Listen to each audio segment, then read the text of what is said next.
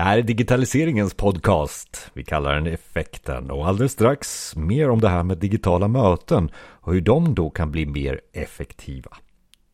Men innan dess. Det här med att delta i podden eller ha synpunkter på vad vi ska ta upp i podden. Det tar vi gärna emot tips. Eh, info effekten.se Info effekten.se Maila oss där med feedbacks och, och lite utav det som du känner kan vara aktuellt här under hösten. Och om man tittar lite i listan på effekten.se på vilka avsnitt som jag rekommenderar just nu. Jag tycker du ska ramla in på det här med molntjänster för att förbereda dig för det. Om du inte redan är det förstås. Det går bra både och. Skalbara molntjänster avsnitt 161. Och sen också lite mer om digital försäljning och så fyller du på med just det här med digital transformation i offentlig som offentlig aktör. Ja, listan finns där på effekten.se, numera direkt listad på första sidan också. Det finns mycket mer att berätta, men jag tänkte att just nu så landar vi i ett avsnitt inspelat i augusti 2021 med Fredrik Bauer, där vi pratar om de digitala mötena och gör lite tips för dig att få dem lite mer effektiva. För det vill vi väl alla.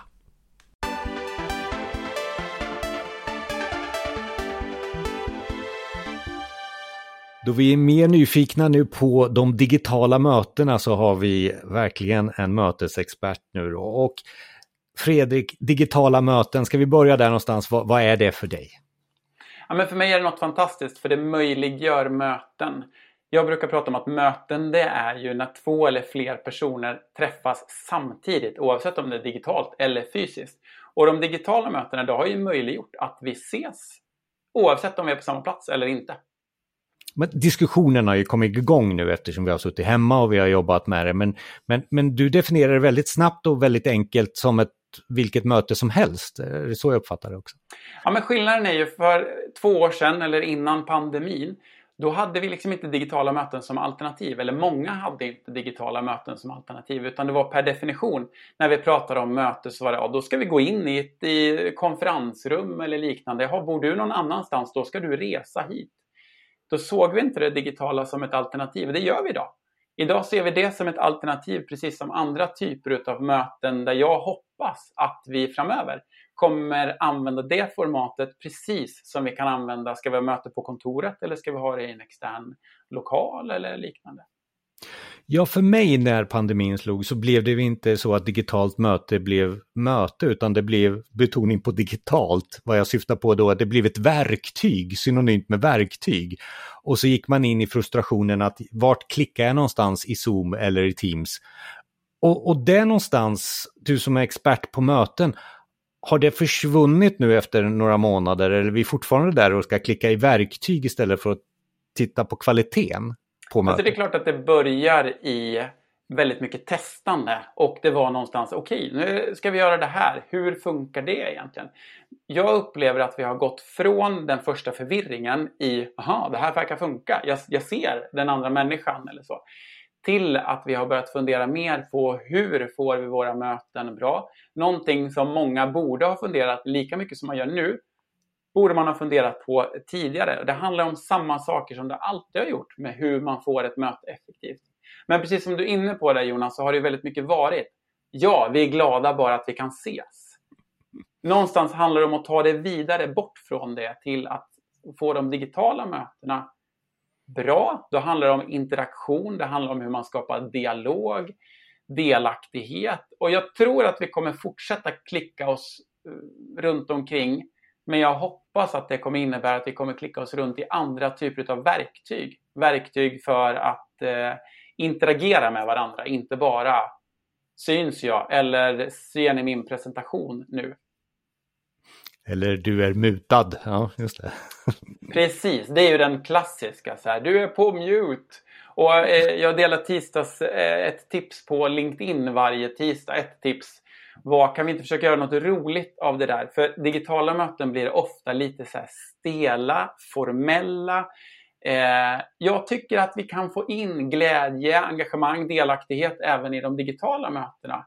Istället för att hålla på och säga ja du, du är på mute.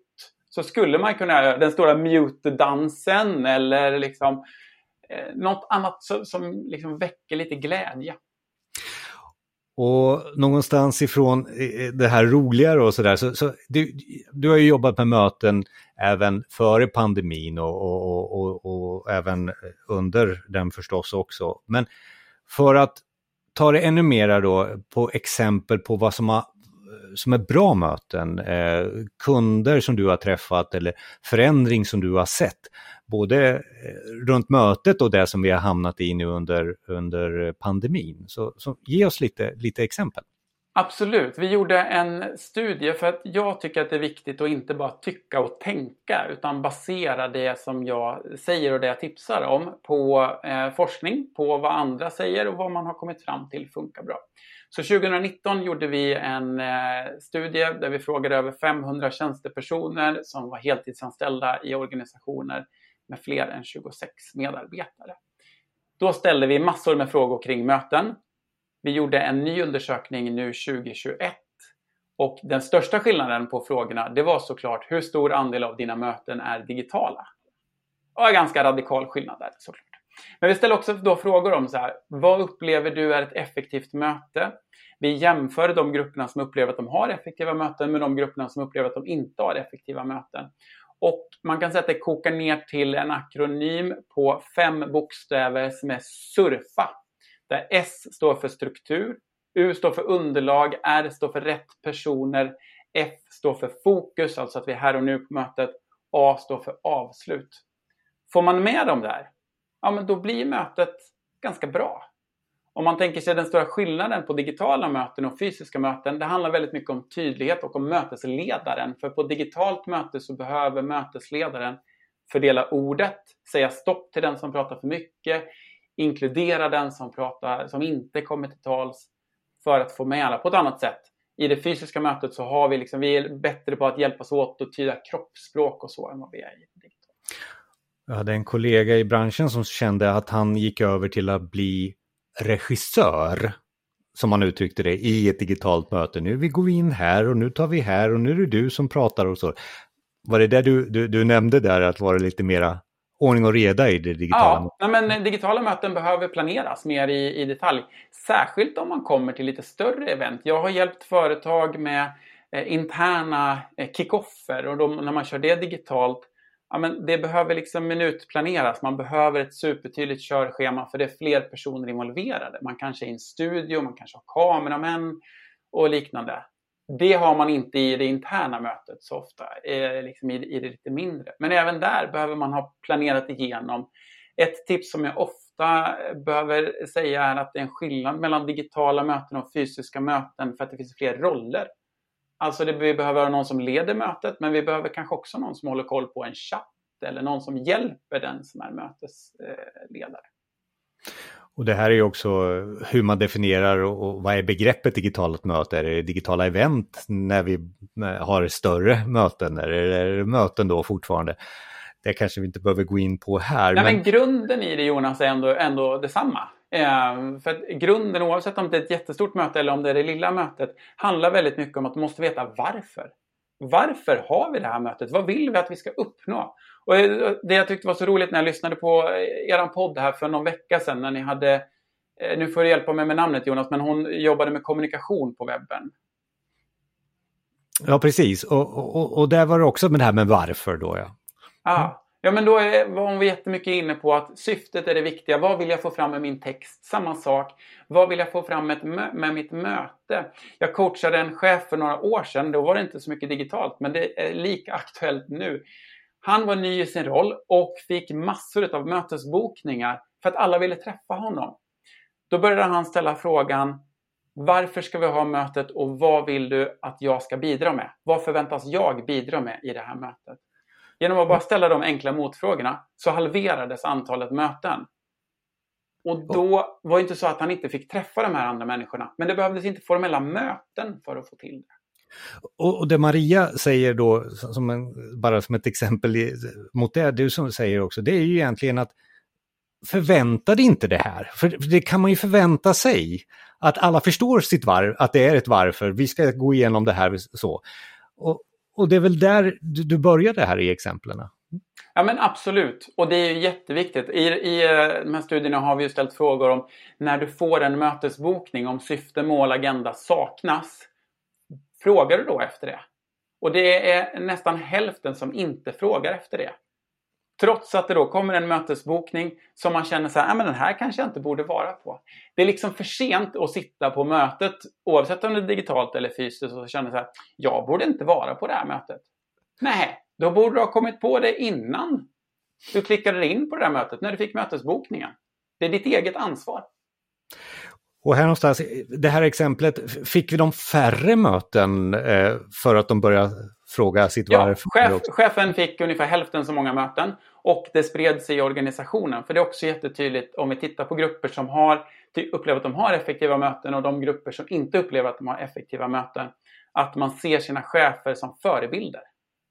Så det cheferna gör, det sprider sig väldigt lätt i organisationen. Och alla de här frågorna, eh, kom, vi kommer referera till den rapport som du, du, du nämner här också, där, där, just cheferna är med på många av frågorna och, och, och även medarbetarna är med på, på, på en del frågor. Just det, jo, men det är att... intressant att kunna göra jämförelser. Eh, för att det är ju ändå en, en gruppering som man kan särskilja och där ser vi att redan nu har chefer i större utsträckning än icke-chefer fysiska möten. Eh, och man vill också i större utsträckning ha fysiska möten och det handlar väldigt mycket om att känna närhet, ha koll på sina medarbetare och så vidare. Det behöver inte vara på ett negativt sätt utan på ett positivt sätt. Ja, för att eh, jag upplevde i, i, någon av frågorna, om jag refererar till rapporten och jag förstår den korrekt, eh, att medarbetarna tycker att chefen har en egen agenda. Eh, en, kan det vara en dold agenda eh, i, i, i mötena att, att kontrollera? Eh, är det så det har blivit nu av de digitala mötena också, tror du? Det här är såklart helt olika från fall till fall. Men jag tror att det är många chefer som har ett problem idag för att om vi, när, vi inte, när vi är vana vid, när vi var på kontoret, då var vi vana vid att se, men den här killen han har inte duschat på tre dagar. Då upptäckte vi det. Eh, så att jag tror mer det handlar om att vi är måna om, om varandra än det är någonting annat egentligen. Vi har mycket svårare att upptäcka de här mellanmänskliga sakerna när vi är framför en kamera eller om du inte ens har kameran på. Är det du, eh, det här kaffemötet du pratar om nu som inte finns också då? Exakt. Det är de här spontana, där som bygger det sociala i, i en, en grupp som vi dels gör på möten, men som vi väldigt mycket gör mellan möten. Och om vi landar i, i, för du var ju inne där på, på exempel, för att det handlar ju, som vi har kommit fram till, att det är ju ett möte det här. Hur, hur, hur där, där du, när du har effektiviserat det digitala mötet, för det är ju någonting som vi pratar om kanske i ganska många organisationer, så här, vi borde vara bättre på möten, vi borde kunna vara mer effektivare. Vad, vad har varit bra exempel på, på händelser som har, som har uppstått när du har varit inne och, och, och coachat? Den största nyckeln är ju tid. Eh, för många kopplar vad effektivitet är. Dels kring tid, alltså hur långt mötet är. Men också om man upplever att man uppnår eh, resultat. Att man kommer fram till något konkret. En av de sakerna som vi blir allra mest glada av under ett möte det är när någon form av beslut fattas.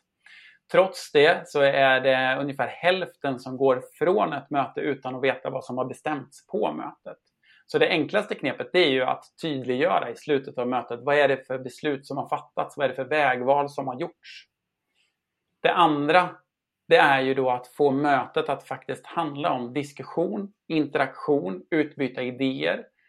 Eh, en annan coach, eller en annan chef som, som jag coachade, istället för att fortsätta med klassiska informationsmöten så började hon skicka ut en ljudinspelning innan sina möten. Hon var inte helt bekväm att stå framför kamera så därför gjorde hon det enbart på, på ljud istället.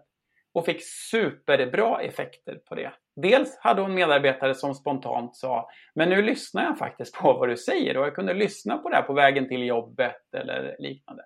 Och dels att de kan, kunde använda själva mötestiden åt vad betyder det här för oss? Hur ska vi ta det här vidare? Vad vill vi göra med det här?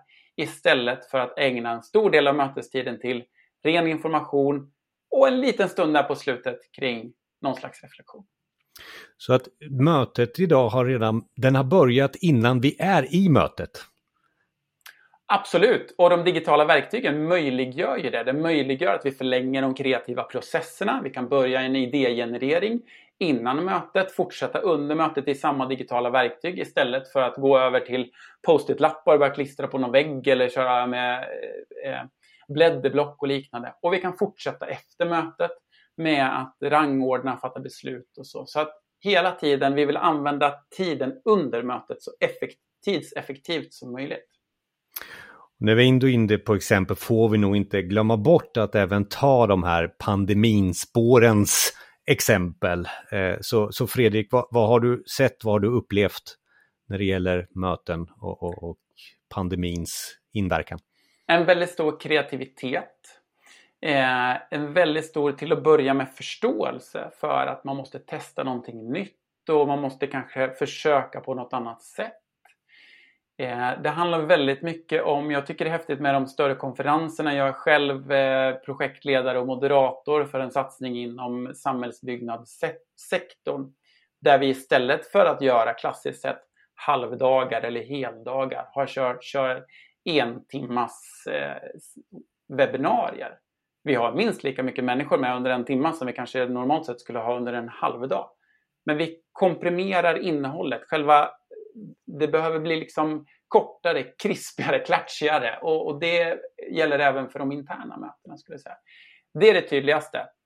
Det andra handlar ju om hur vi mår fysiskt. För folk, vi klarar liksom inte av att sitta framför en skärm, samma skärm hela dagarna och det börjar vi se effekterna av.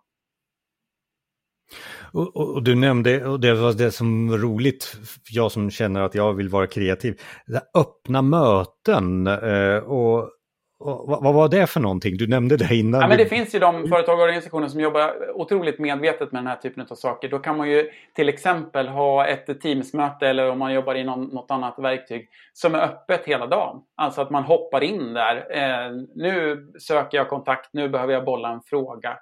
Då har man ett öppet mötesrum som man hoppar in i. Det finns de exemplen där man är några stycken som öppnar upp ett, eh, ett möte och sen så sätter man sig och jobbar tillsammans.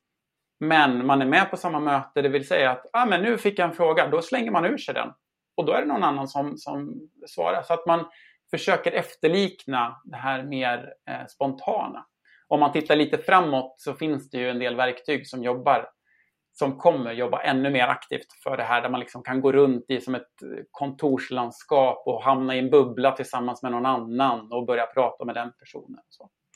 Ja, för vi får inte glömma där att verktygen har väl en, en, en, förmåga också att inspirera oss till att göra ett bättre möte. Jag tänker bara på en sån här chatt eh, som inte fanns för, för, några år sedan. Eh, den kan man ju utnyttja på ett bättre sätt säkert och det här exempel som du nyss sa då att flytta runt. Eh, jag ser en spelvärld framför mig som, som många av den nya generationen känner sig tillfreds mm. med till exempel.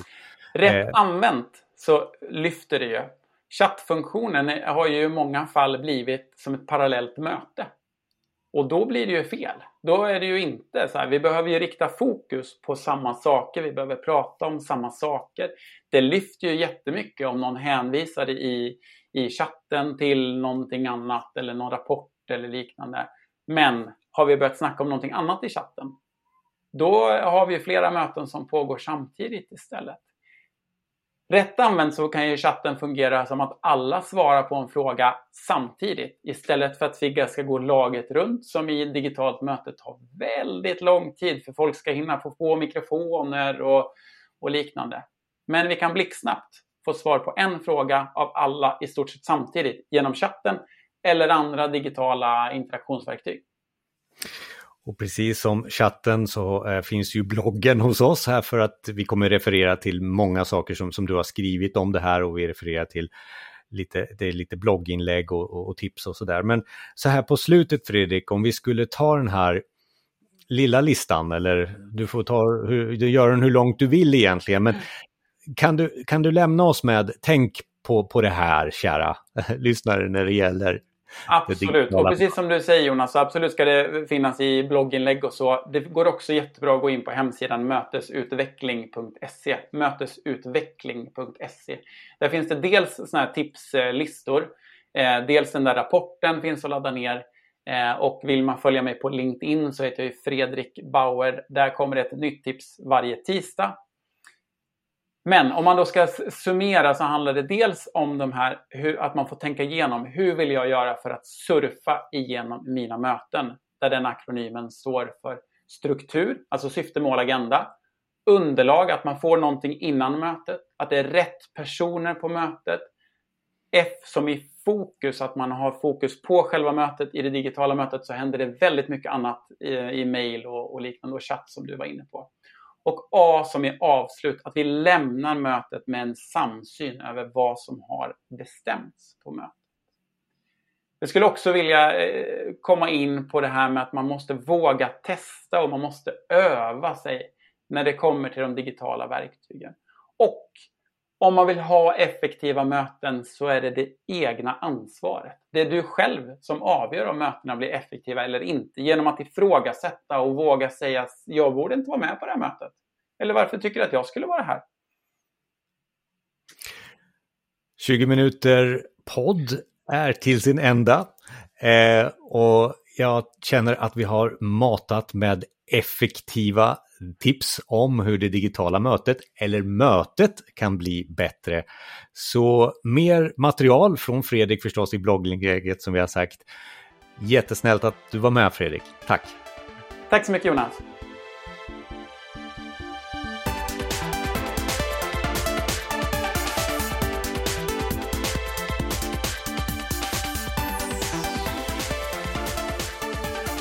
Tack för att du lyssnat till Effekten, digitaliseringens podcast. Effekten.se, där hittar du allting. Bland annat prenumeration på podden som du kan prenumerera på på Spotify, Apple Podcast och Google Podcast och lite av varje. Det finns också en videoversion utav avsnitten där på effekten.se och våran YouTube-kanal. Vi finns också 24 timmar om dygnet med eh, Effekten Radio där vi har samlat de bästa avsnitten som ger dig inspiration för att digitalisera. Ett begrepp som är väldigt brett och eh, det kan ibland bli lite djupt och ibland lite sådär allmänt. Eh, och jag hoppas att vi kan inspirera dig genom att du besöker allt som finns där på effekten.se och där vi bjuder på i form av värde. Jag är Jonas Jani och tillsammans med Micke Nobäck så har vi gjort den här podden sedan 2016. Hoppas du fortsätter att lyssna och hoppas också att du fortsätter att tipsa om oss att bli, så vi kan bli ännu bättre till exempel med nya gäster. Maila oss på info effekten.se info effekten.se Så, då stänger vi butiken för det här avsnittet och hoppas att vi hörs nästa gång.